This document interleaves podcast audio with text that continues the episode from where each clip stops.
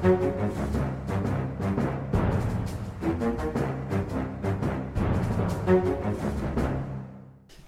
til en ny utgave av Aftenpodden. Det er da andreutgaven av vår store popkulturelle spesial. Jeg er politisk journalist Lars Glomnes. Med meg har jeg kulturredaktør Sara Sørheim og våre eminente gjester. Eirik Bergesen, eh, tidligere diplomat, nå eh, taleskriver, eh, tekstforfatter og det meste. Og tidligere statssekretær for SV, Ketil Raknes. Nå Markedshøgskolen. Velkommen til dere. Takk. Eh, Vi fortsetter egentlig der vi slapp i forrige uke, som eh, alt da ble innspilt for en stund siden. Men eh, dette gir oss mulighet til å grave oss enda dypere i et virkelig nerdetema, og noe vi er veldig interessert i. Popkultur pop, pop, popkultur i politikken og omvendt. Og nå tenkte vi at vi skulle gå gjennom hva som er det absolutt beste man kan få. Så vi starter vel med å bare kjøre litt gjennom hvordan man tenker. Eh, Eirik, hva syns du er eh, Hva vil du anbefale?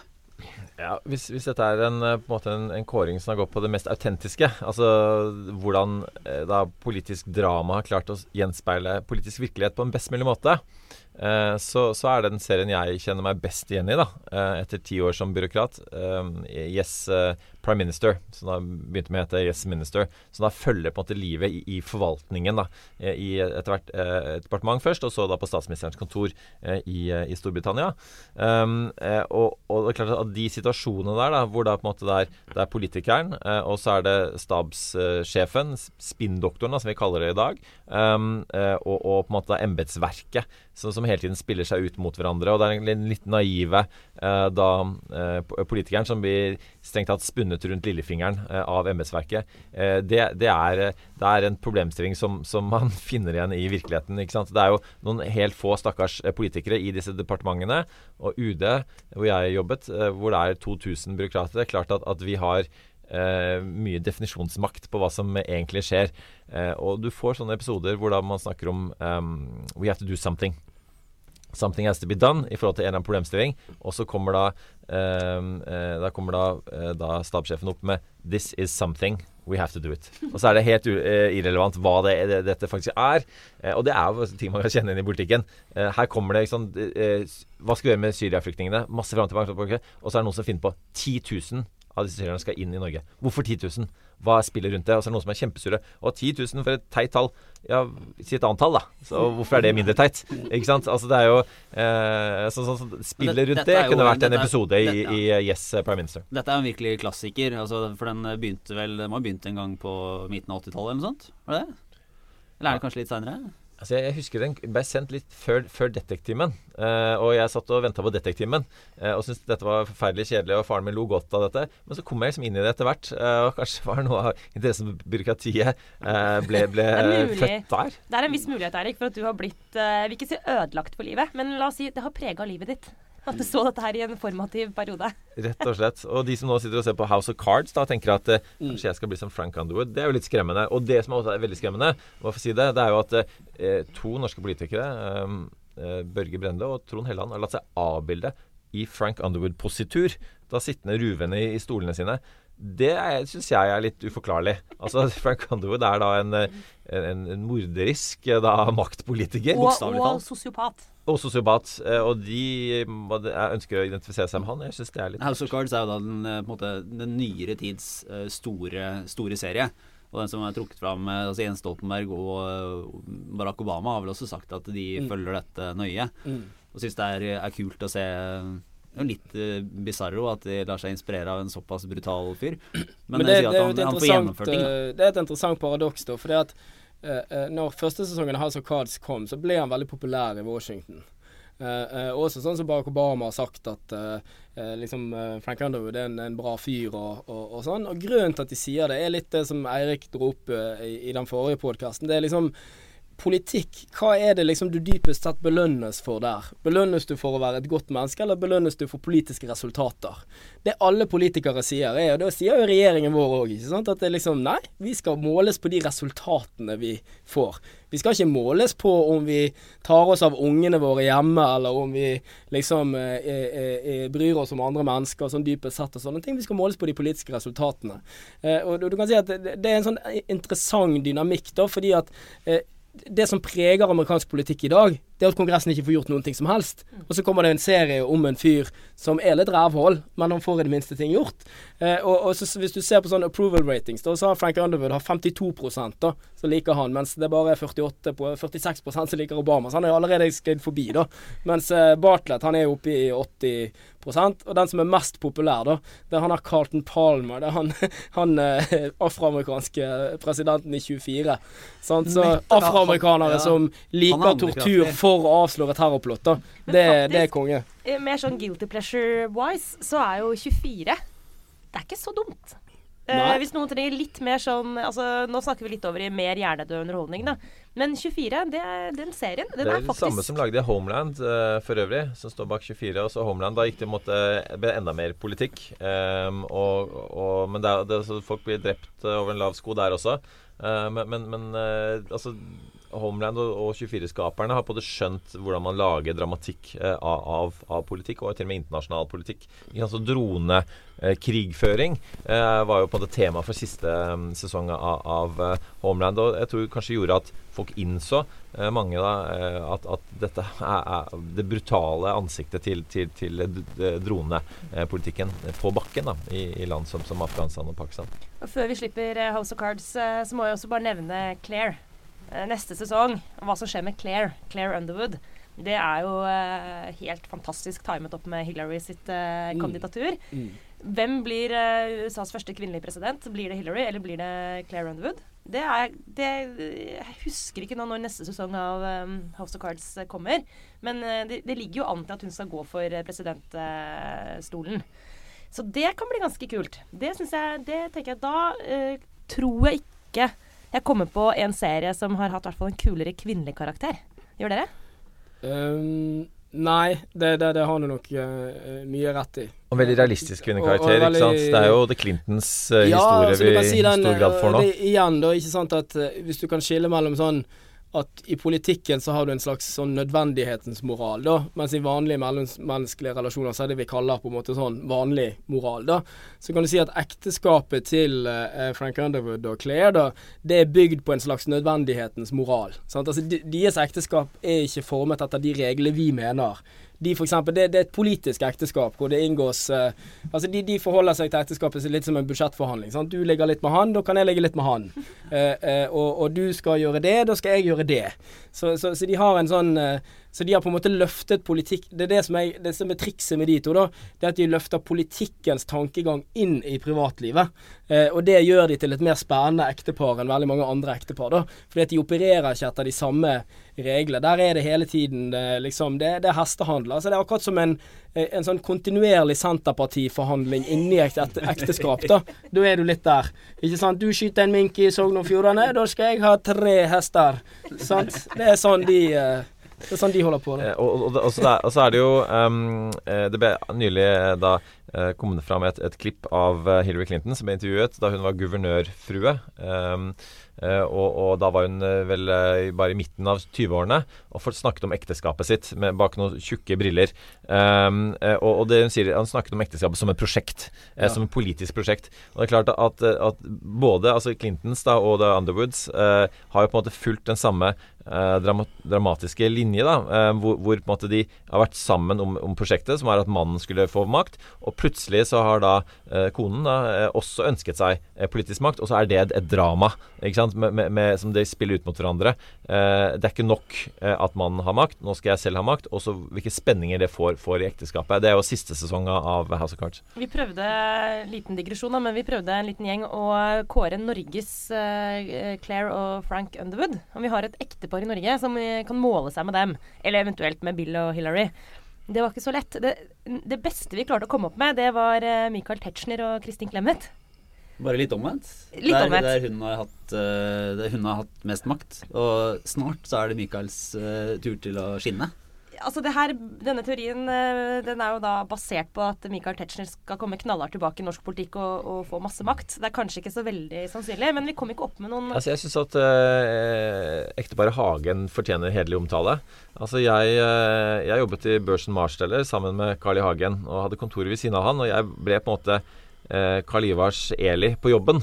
Eh, og viste han litt hvordan minnepinner fungerte, og fant alfakølltasten og sånt på, på tastaturet hans. Um, og det er klart at, at fikk jeg også litt innblikk i, i på en måte hvordan de to er, er, et, er, et, par, da, i den forstand at, at altså um, Eli um, har på en måte godkjent veldig mye av, de politiske tankene, og kanskje enda mer altså moren til Eli, altså svigermora på, på Dombås, som er noe av på en måte måten da um, Carl Ivar Hagen har, har, på en måte fått en folkelighet, da. Uh, og, og det, det, er, det, er, interessant å se. Han var ikke født med folkelighet, det kan vi vel uh, slå fast. Ikke sant. Og, og det er klart, altså, så De ektefellene som, som er på det sparringpartnere hjemme på hjemmebane, mm. har nok mye å si, si i politikken. Selv om de kanskje da ikke utøver den makten i offentligheten. House of Cards er jo det, det, store nå. Den tidligere klassikeren har vært West Wing, som kanskje vil stå høyt og på lista mi, i hvert fall. Mm. Men jeg må innrømme at nå er det noen år siden jeg har sett er det, hvor mye holder det seg bra? Ja, Er det verdt å Jeg ser sånn rituelt eh, West Wing hvert eneste år. Nå, nå har jeg slutta å prøve å se liksom, alle sesongene en gang til, for da hekter det seg inn i hverandre. Så da blir jeg aldri ferdig. Men nå velger jeg ut liksom enkeltepisoder og liksom titter litt. Og jeg syns fortsatt det er helt fantastisk bra. Og den eh, Du vet den Two Cathedrals? Eh, episoden fra Er det sesong én, Eirik? Du nikker i studio her.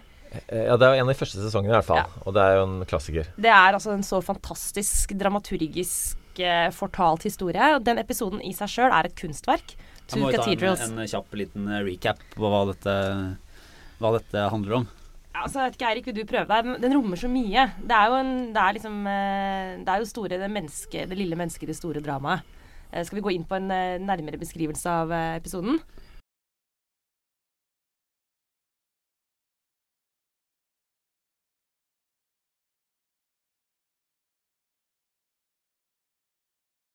Nei, kanskje vi kan ta det holde på ja. mer, okay. mer overordnet. Ja, vi, vi, legger den bare inn som en kraftig anbefaling. Ja. Altså, så, som, som, da på en måte en person som har jobbet, jobbet eh, en del med politikk bak kulissene, men og nå og skriver, da, eh, for det første, for aller mest politisk satire, så var det litt uh, interessant også å høre et intervju med Aaron Sorkin nylig, som er den, han som da skrev, skrev West Wing, uh, hvor han sa at For han blir ofte oppfattet som en person som da bruker denne serien for å tvinge gjennom sin, sitt politiske syn, og, og at, at, da uh, Jeb Bartlett, da presidenten, er er uh, Sorkin, og at Sorkin er på en måte er liberal, kanskje litt sånn preachy på det verste.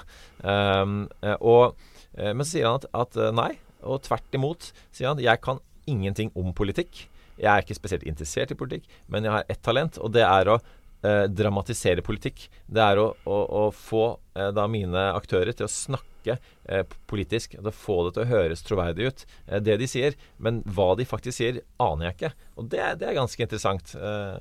En kritikk av eh, West Wing som jeg i og for seg ikke er helt enig i, men har vært at alle personene i West Wing Hvis du bytter, på en måte, hadde bytta navn på dem og latt dem sagt det samme, så hadde du ikke visst hvem som var hvem. Fordi alle er bare en, en liten avskygning av Eh, en liten variant av samme, av samme person. Altså det, det, som er Altså kan si at uh, Altså min sånn hoved Altså jeg likte Westwing veldig godt. Jeg vil anbefale folk å se han og sånn, men jeg får litt problemer med det flat characters-problemet etter hvert. Det vil si at karakterene mangler ambivalens og dybde. Det gjelder veldig mange. De som befolker Det hvite hus, er full i sånn eh, eh, på en måte eh, platonske og sokratiske ideer om hvordan demokratiet fungerer, og disse og de er opptatt av rasjonell dialog og sånn. Altså alle de fiendtlige kreftene er utenfor. Og til og med når liksom Sam Seaburn ligger med en prostituert, så gjør han jo egentlig for å redde henne. Mm. Så det, det, er liksom det, det, er det universet de tegner opp. da. Og så er det House of Cars på, som på den andre siden tegner opp et liksom, Det blir for dystopisk, syns jeg. Og det blir for sånn Når du kommer Jeg syns første sesongen er kjempebra, men når du kommer litt ut i andre sesongen i tredje sesongen, så blir det litt på repeat-knappen. For du skjønner, hans, du skjønner hvordan han opererer. Og de klarer ikke å utvikle andre sider ved han. F.eks. han bør ha en svak side. Hvorfor spiller de ikke ut den homofilidelen ved han mye sterkere, eller liksom gir han noen nyanser, da? Mens en serie som jeg syns plasserer seg litt imellom de to, som kanskje er nærmest virkeligheten i dagens USA, som egentlig ikke handler om politikk, det er jo The Wire. Uh, uh, for det at The Wire viser jo amerikansk lokalpolitikk, og denne Edward Carcetti, som er liksom denne uh, ordføreren som ønsker seg Og den har jo et utrolig interessant grep i forhold til det der med hvordan makten eh, på en måte preger en politiker. Fordi at Hans utgangspunkt er at han er en ganske idealistisk fyr som har lyst til å gjøre noe for Baltimore. Eh, og så har han en samtale med en gammel ordfører før han eh, går på i denne valgkampen. Og så sier han eh, gamle ordføreren sier bare at eh, vet du hva, Det endte bare med at jeg satt der hver eneste dag og egentlig bare tok masse dritt fra interessegrupper. Jeg fikk ikke gjort noen ting. Eh, så de har en litt annen eh, vri, da. De den, det, er ikke makten, altså det er ikke makten som korrumperer, men det er handlingsrommet for politikken som er så smalt, da. Fordi at interessegruppene på en måte benker liksom, Og alle passer på sine interesser på alle kanter. og Det, det er veldig, det er utrolig bra spilt ut der når Kalketti kommer til makten, og han finner ut at alle rundt han har løyet hele tiden. Han sitter på et møte og finner ut at alle lyger om ting, og de lyger om statistikk. Og så sier han ene rådgiveren ja, hva skal vi gjøre med dette? Og da tenker han seg om, ikke sant. Enten så kan jeg jo sprenge hele systemet, men det tjener jeg ingenting. Så jeg er nødt til å spille med. Så det, sånn viser liksom et menneske som på en måte vil mye bra, men som Og det er jo det som er det geniale med, med The Wire, det er at den handler om sosiologi, da. Det at mennesket er bare en aktør, og strukturen er mye tyngre enn deg. Mens i Westwing så er det litt denne amerikanske idealet om at eh, ett veldig heltmodig menneske kan utgjøre en stor eh, forskjell. da. Ja, og, det, det er på en måte, altså Wire er jo på en måte historien om en by, ikke sant, Baltimore, eh, og de ulike aktørene som, som Ketil sier, som opererer i strukturer som, som, gjør at de som er litt deterministiske, da, at det er ikke alt de selv kan bestemme. Um, og det er nok også historien om, om, om virkelighetens politikk. Eh, at det er mye man ønsker å få til, eh, men så er det veldig mye som er vanskelig å få til. Eh, og så pga. sånn mediedramaturgien er, eh, og, og pga. ønsket om å bli gjenvalgt, så må man late som man er mer handlekraftig enn det man virkelig er. Eh, klart at, at, eh, at, The Wire tydeliggjør det.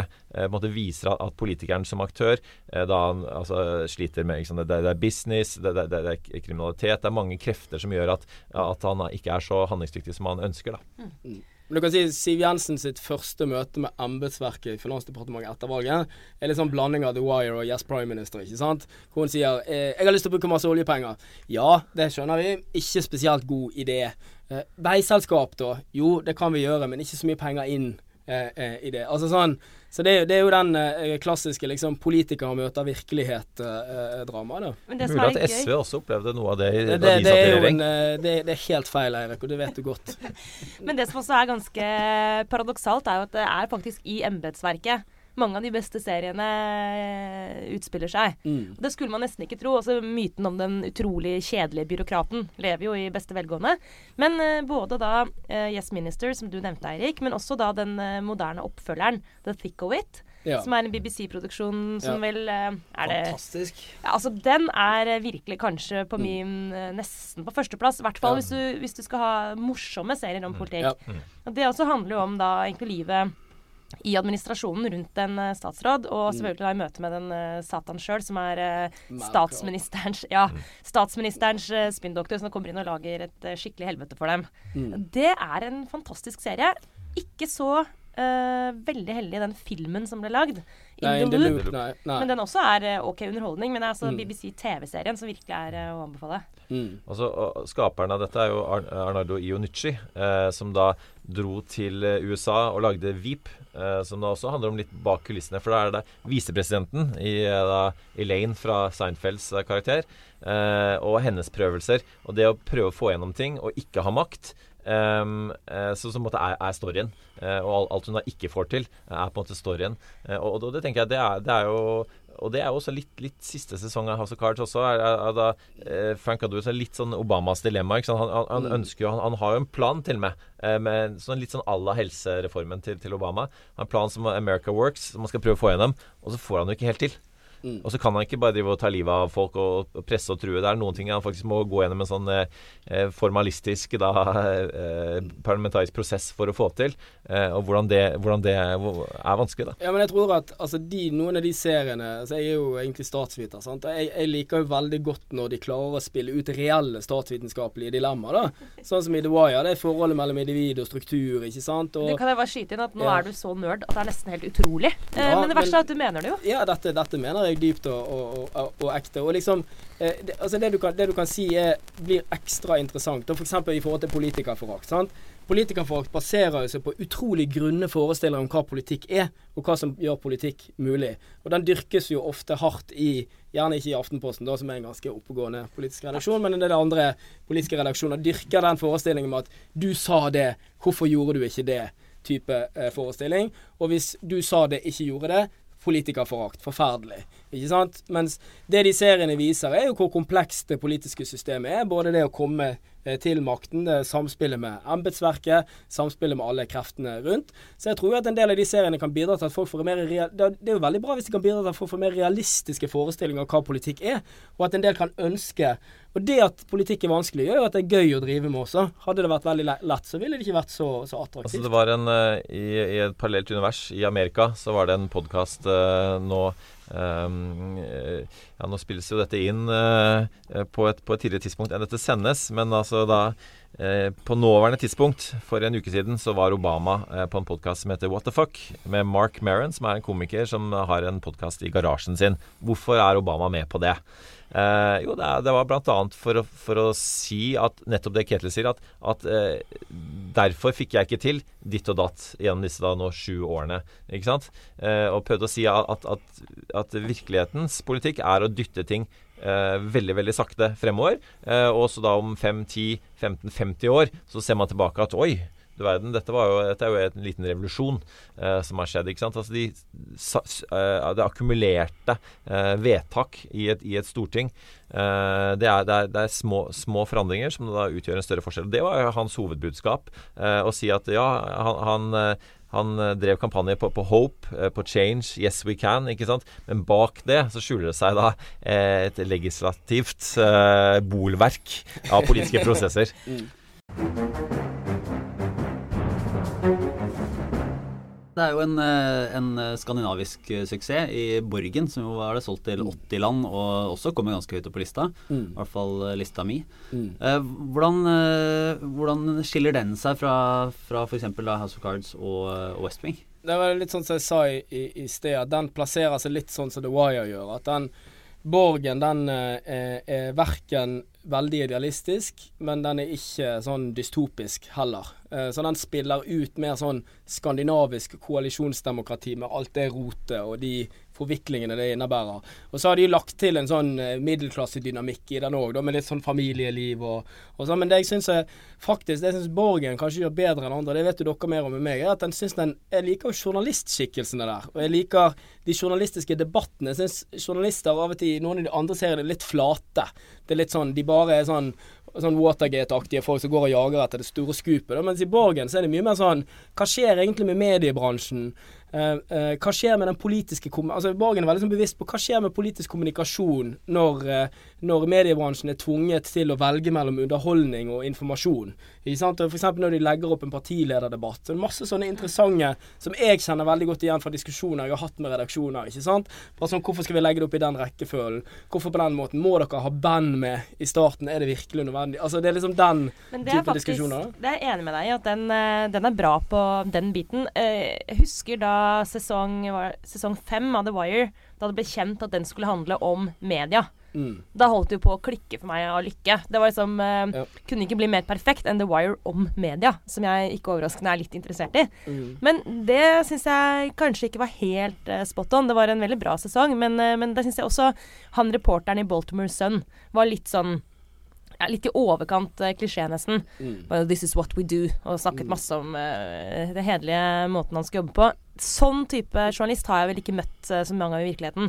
Men Katrine i Borgen. Ja, ja, ja, Der følte jeg full identifikasjon. Veldig bra karakter. Og så har Torben Friis òg, ikke sant. Så han er med, sjefen som er litt sånn her uff a meg, og det er mye som er slitsomt. Og, og, så har han litt støtte i ledelsen, men han har jo ikke helt støtte heller. Og så har han noe under seg, og så, og så er det mye press, og det er seertall og sånn. Han, han, slår meg som en ganske sånn realistisk uh, Og så forsøker han å gjøre Så er han jo egentlig en snill fyr, da. Men han er villig til å fyre på prinsippene av og til fordi at det er nødvendig og, og, og, og sånn. Så han, han, slår meg som en sånn her eh, sånn, et godt menneske under stort press i den moderne medievirkeligheten. Altså, Aaron Sorkin, eh, West Wing-skaperen, gikk jo videre til å lage eh, nettopp en, en, serie fra, fra TV-stasjon, Newsroom.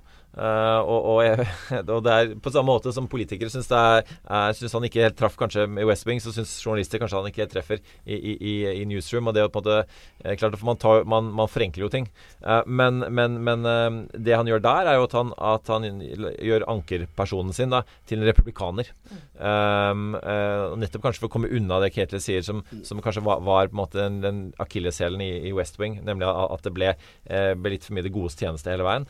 Um, og Adam Prise, Borgenskaperen, eh, fortalte også da, da jeg var og dekket det danske valget, eh, at Eh, at han har jo gjort Dansk Folkepartis da leder eh, i, i, i, denne serien, Borgen, til, til, en person med makt. Med reell makt. En person som faktisk har, har, en, har, eh, har en, popularitet, en folkelighet og, og, en retorisk evne som gjør at han utfordrer Birgitte eh, Nyborg, statsministeren. For at man, man, trenger det. altså Man trenger all type drama. trenger man motmakt. Mm. Eh, det skal ikke være for enkelt. Og det er på en måte, det er drama skapes ofte av en hovedperson som prøver å få igjen noe, og ikke får det til før eventuelt helt på slutten. Jeg kan jo bare si til eh, de av våre lyttere som jobber med noe med media, at uh, Newsroom er verdt det. Det gjør veldig vondt, særlig hvis du er kvinne, fordi uh, nok en gang er de kvinnelige karakterene helt bak mål. Mm. Særlig hun McKenzie, hun hovedpersonen. Men eh, den siste sesongen av Newsroom er ganske så bra. Så man må bare lide seg gjennom eh, litt sånn pinligheter først. Men eh, jeg syns den tar seg inn. Jeg syns den har vært en, eh, i hvert fall en litt sånn regnfull sommer. Så vil jeg anbefalt å sitte inne og se Newsroom. Helt klart. En annen som Altså den, den, første, altså den, den første bølgen liksom med politisk film i USA kom jo på 70-tallet. Og der er det jo, hvis, hvis, noen har lyst til å bruke sommeren på det, der er det jo to filmer som peker seg ut. Og den ene er veldig kjent, det er jo 'Alle presidentens menn' med Robert Redford og, og, Dustin Hoffman, som er en film som står seg veldig godt. Eh, og som er liksom den store filmen om Watergate-avsløringen som på en måte endret amerikansk journalistikk for alltid. Men en annen film som er veldig bra, eh, eh, det er faktisk en film som heter The Candidate, med, med Robert Redford fra, fra 1972. Eh, og den har en del sånne kvaliteter i forhold til det der forholdet mellom hva makten gjør med deg, og hvordan politikken eh, forandrer deg. For det handler om en litt sånn ung, idealistisk advokat som heter Bill McKay, da, som bor i California og egentlig ikke har Og så kommer det en politisk konsulent og liksom vikler han inn i, i, i politikken. Uh, og den siste scenen, da, så, så har liksom uh, Bill Mackay Han har vunnet valget og liksom kjører rundt med konen og, og vinker og sånn. Så setter han seg ned på kontoret etterpå. Så det er han Marvin Lucas som er liksom den politiske konsulenten, og så setter han seg ned og så sier han Well, Marvin, what do we do now? og der, så den er en veldig sånn fin serie om liksom at det er jo ikke nødvendigvis alltid at politikere har tenkt gjennom Uh, så veldig mye annet enn uh, en et valg. Og det kan være litt sånn tilfeldigheter som fører folk, som fører folk inn i det også. Men en annen sånn 70-talls, siden vi er der, da, best, kanskje en av de mest interessante bøkene som er skrevet om politikk, det er jo Fair, Fair Loading on the Campaign Trial av Hunter S. Thompson. Som handler om Richard Nixon. Så hvis folk har lyst til å lese noe om politikk som er rock'n'roll, da, som er morsomt Eh, fordi at Hunter S. Thompson innførte en måte å skrive om politikk på som ingen hadde gjort før. Han skrev utrolig spisst, han skrev utrolig skarpt. Jeg bare lese nekrologen han skrev om Nixon etter han døde. Og skrev han at uh, he was a swine of a man and a jabbering dupe of a president. Og, og så skrev han også at Nixon was so crook they had to screw his pants on in the morning. sånn, så det, det, var liksom Men, men det eh, Gonzo-journalistikken også gjør, og Hunter Thompson gjør, er jo på en måte også, også snakke om spillet. Han, han, snakker om, om ev evenementet i seg selv, eh, og ikke bare det som da skjer på scenen. For det som da skjer på, på, scenen i en amerikansk valgkamp, er veldig orkestrert. Mm. Men hva, hva, hva, skjer bak? Eh, og, og, og, det er eh, på, mange måter så er det både kanskje litt kynisk og litt morsomt. Eh, og et, et ganske sannferdig bilde av, av, det å være på on the campaign trail. Da. Han fulgte jo Nixon hele veien. Mm. Eh, men, men, jeg synes også, altså det er viktig da, i denne sammenhengen å snakke om de historiene som ikke er fortalt eh, på TV og film. Altså Hvilke historier er der ute så, som også kanskje er virkelighetsnære, men som, som ingen har tatt tak i ennå. Uh, og på en måte noe jeg savner, da, er på en måte En ting er Frank Underwood, som, som er, er da kald og kynisk, men og, og, det er ingen tvil om at det er noen politikere som har operert som han. Ikke sant? Da går vi tilbake til gamle dager og, og tar for oss en, en Håkon Lie ikke sant? Og, og hele på den kulturen hvor noen snakket sammen, uh, og ikke nødvendigvis i offentligheten. Um, så er det klart at, at, at, Hvordan ender du opp som Frank Underwood? Hvordan ender du opp som, som, som uh, Håkon Lie? Syns jeg er interessant. Altså for jeg, Min erfaring er at, er at, de av de politikerne jeg har sett komme og gå i, i, i Utenriksdepartementet, at, at, alle på en måte har en idealisme. Um, alle kom i politikken for å utføre et eller annet. Uh, og så er det klart at som, som Ketil har vært inne på, så, så, må du beherske et spill etter hvert. Uh, og de som behersker det best, de kommer til maktens tinder. og noen ganger så kan du risikere å miste deg selv. Altså Noen ganger blir det sånn, sånn at eh, eh, altså målet helliger midlene. Eh, og kanskje blir sånn at man glemmer, blir så flink til midlene, eh, til redskapene, at man glemmer målet. Men nå, jeg, nå får du meg til å tenke på Tony Blair. Jeg vet ikke ja. om det var eh, hensikten, men, men, han står for meg som et eksempel på en moderne politiker som et eller annet sted på veien, i hvert fall slik som det etterlatte inntrykket er, mista noe av seg sjøl og, og, ble en mye hardere makt- eller kynisk politiker. Men der er det laget noen gode filmer, faktisk. Eh, fra den tidlige fasen. Ikke sant? Fra, fra, fra Blair før han fikk makt. Um, og der Den heter uh, annet en som heter The Deal. Som handler om forholdet mellom eh, Gordon Brown og Tony Blair. Og den avtalen de gjorde seg imellom på en liten kafé i Islington. Jeg har vært der faktisk. Veldig nerdete på, eh, på en slags sånn pilegrimstur. Uh, det er en helt, helt Det er sånn så sært, det der. ja, det er en veldig forglemmelig kafé. Men hvis du har lest dagbøkene til Alistair Campbell, som jeg frykter at alle vi fire har gjort, så Mm. vet man at eh, en liten kafé kan få stor eh, Eller hva heter det? Liten tue kan velte stort lass. Og Mm. poenget er at her satt da Brown og Blair og snakket om hvem av dem som skulle først ut. Hvem skulle prøve seg på statsministerposten først. Og Mm. som vi vet, så ble det Blair. Og dermed var eh, moderne britisk historie sealed. Mm. Og den filmen er eh, riktig god. og og dette, dette er jo egentlig både historien om, om kanskje vår samtid, da. Eh, vi som unge voksne, ja, noen og 40, eh, eh, som da på en måte levde i et sånn litt sånn politisk vakuum. Vi snakker om ironigenerasjonen. Ja, noe av grunnen til det er at noen grunn til at vi dekonstruerte da eh, 68-erne, er på en måte at vi, vi levde i en tid hvor på en måte konflikter ikke var så til stede. Tony Blair var da politikeren som sa at kanskje er vi denne generasjonen som får slutt på krig eh, for alltid. Og så, og så gjør han det motsatte. For han går jo inn i, og, og, og er med å invadere Irak. Eh, Ikke sant? Så på en måte han og, og vi innså at nei, eh, kanskje vår framtidstro, vår tro på, på at nå er ting i ferd med å bli bedre, ikke stemmer. At faktisk historien går i sykluser. Eh, og, og jeg, jeg tenker at, at det er eh, det, det er den historien må fortelles, eh, og er kanskje ikke fortalt skikkelig eh, i, i, i TV- og filmdramatikk. Det der med, med at man ønsker å få til noe. Man har de, de rette folkene, og så når de er nesten ved målet, så, så blir de også korrumpert. Men skal vi kanskje oppsummere med en liten sånn eh, total uh, topp eh, tre for uh, hver, av, uh, hver av oss, rett og slett? Erik altså sånn på sparket. Ja, jeg tenker nå har vi snakka oss litt gjennom det. Hvis du skal sette opp dine topp tre, Erik. Så eh, West Wing er en klassiker. eh, Borgen er en klassiker. Eh, så får jeg komme med en, som da ikke er nevnt. 'Primary Colors', eh, som er basert på en bok skrevet av Time-journalist Joe Klein. Som inneholdt så mange pikantheter fra Clinton-administrasjonen eh, at han måtte skrive den som anonym. Eh, og så kom det frem etter hvert hvem som hadde skrevet det, eh, og det ble en film. Um, eh, og da er det da John Travolta som spiller eh, Clinton, og det er Emma Thompson som spiller Hillary. Eh, og og, og det, er, det, er, det er en god film om, en, om en godhjertet politiker, eh, og som da i bokform er best beskrevet av George Stephanopoulos, en av hans politiske rådgivere, eh, med tittelen 'All Too Human'. Altså Han var litt for menneskelig eh, til, til å kunne bære eh, de pilot, pilotiske, eh, politiske visjonene han hadde. Eh, ja, um, jeg ville vel tenkt at uh, uh, The Wire er verdt å se en gang til, og se liksom bare nøyere på den politiske dimensjonen av uh, The Wire.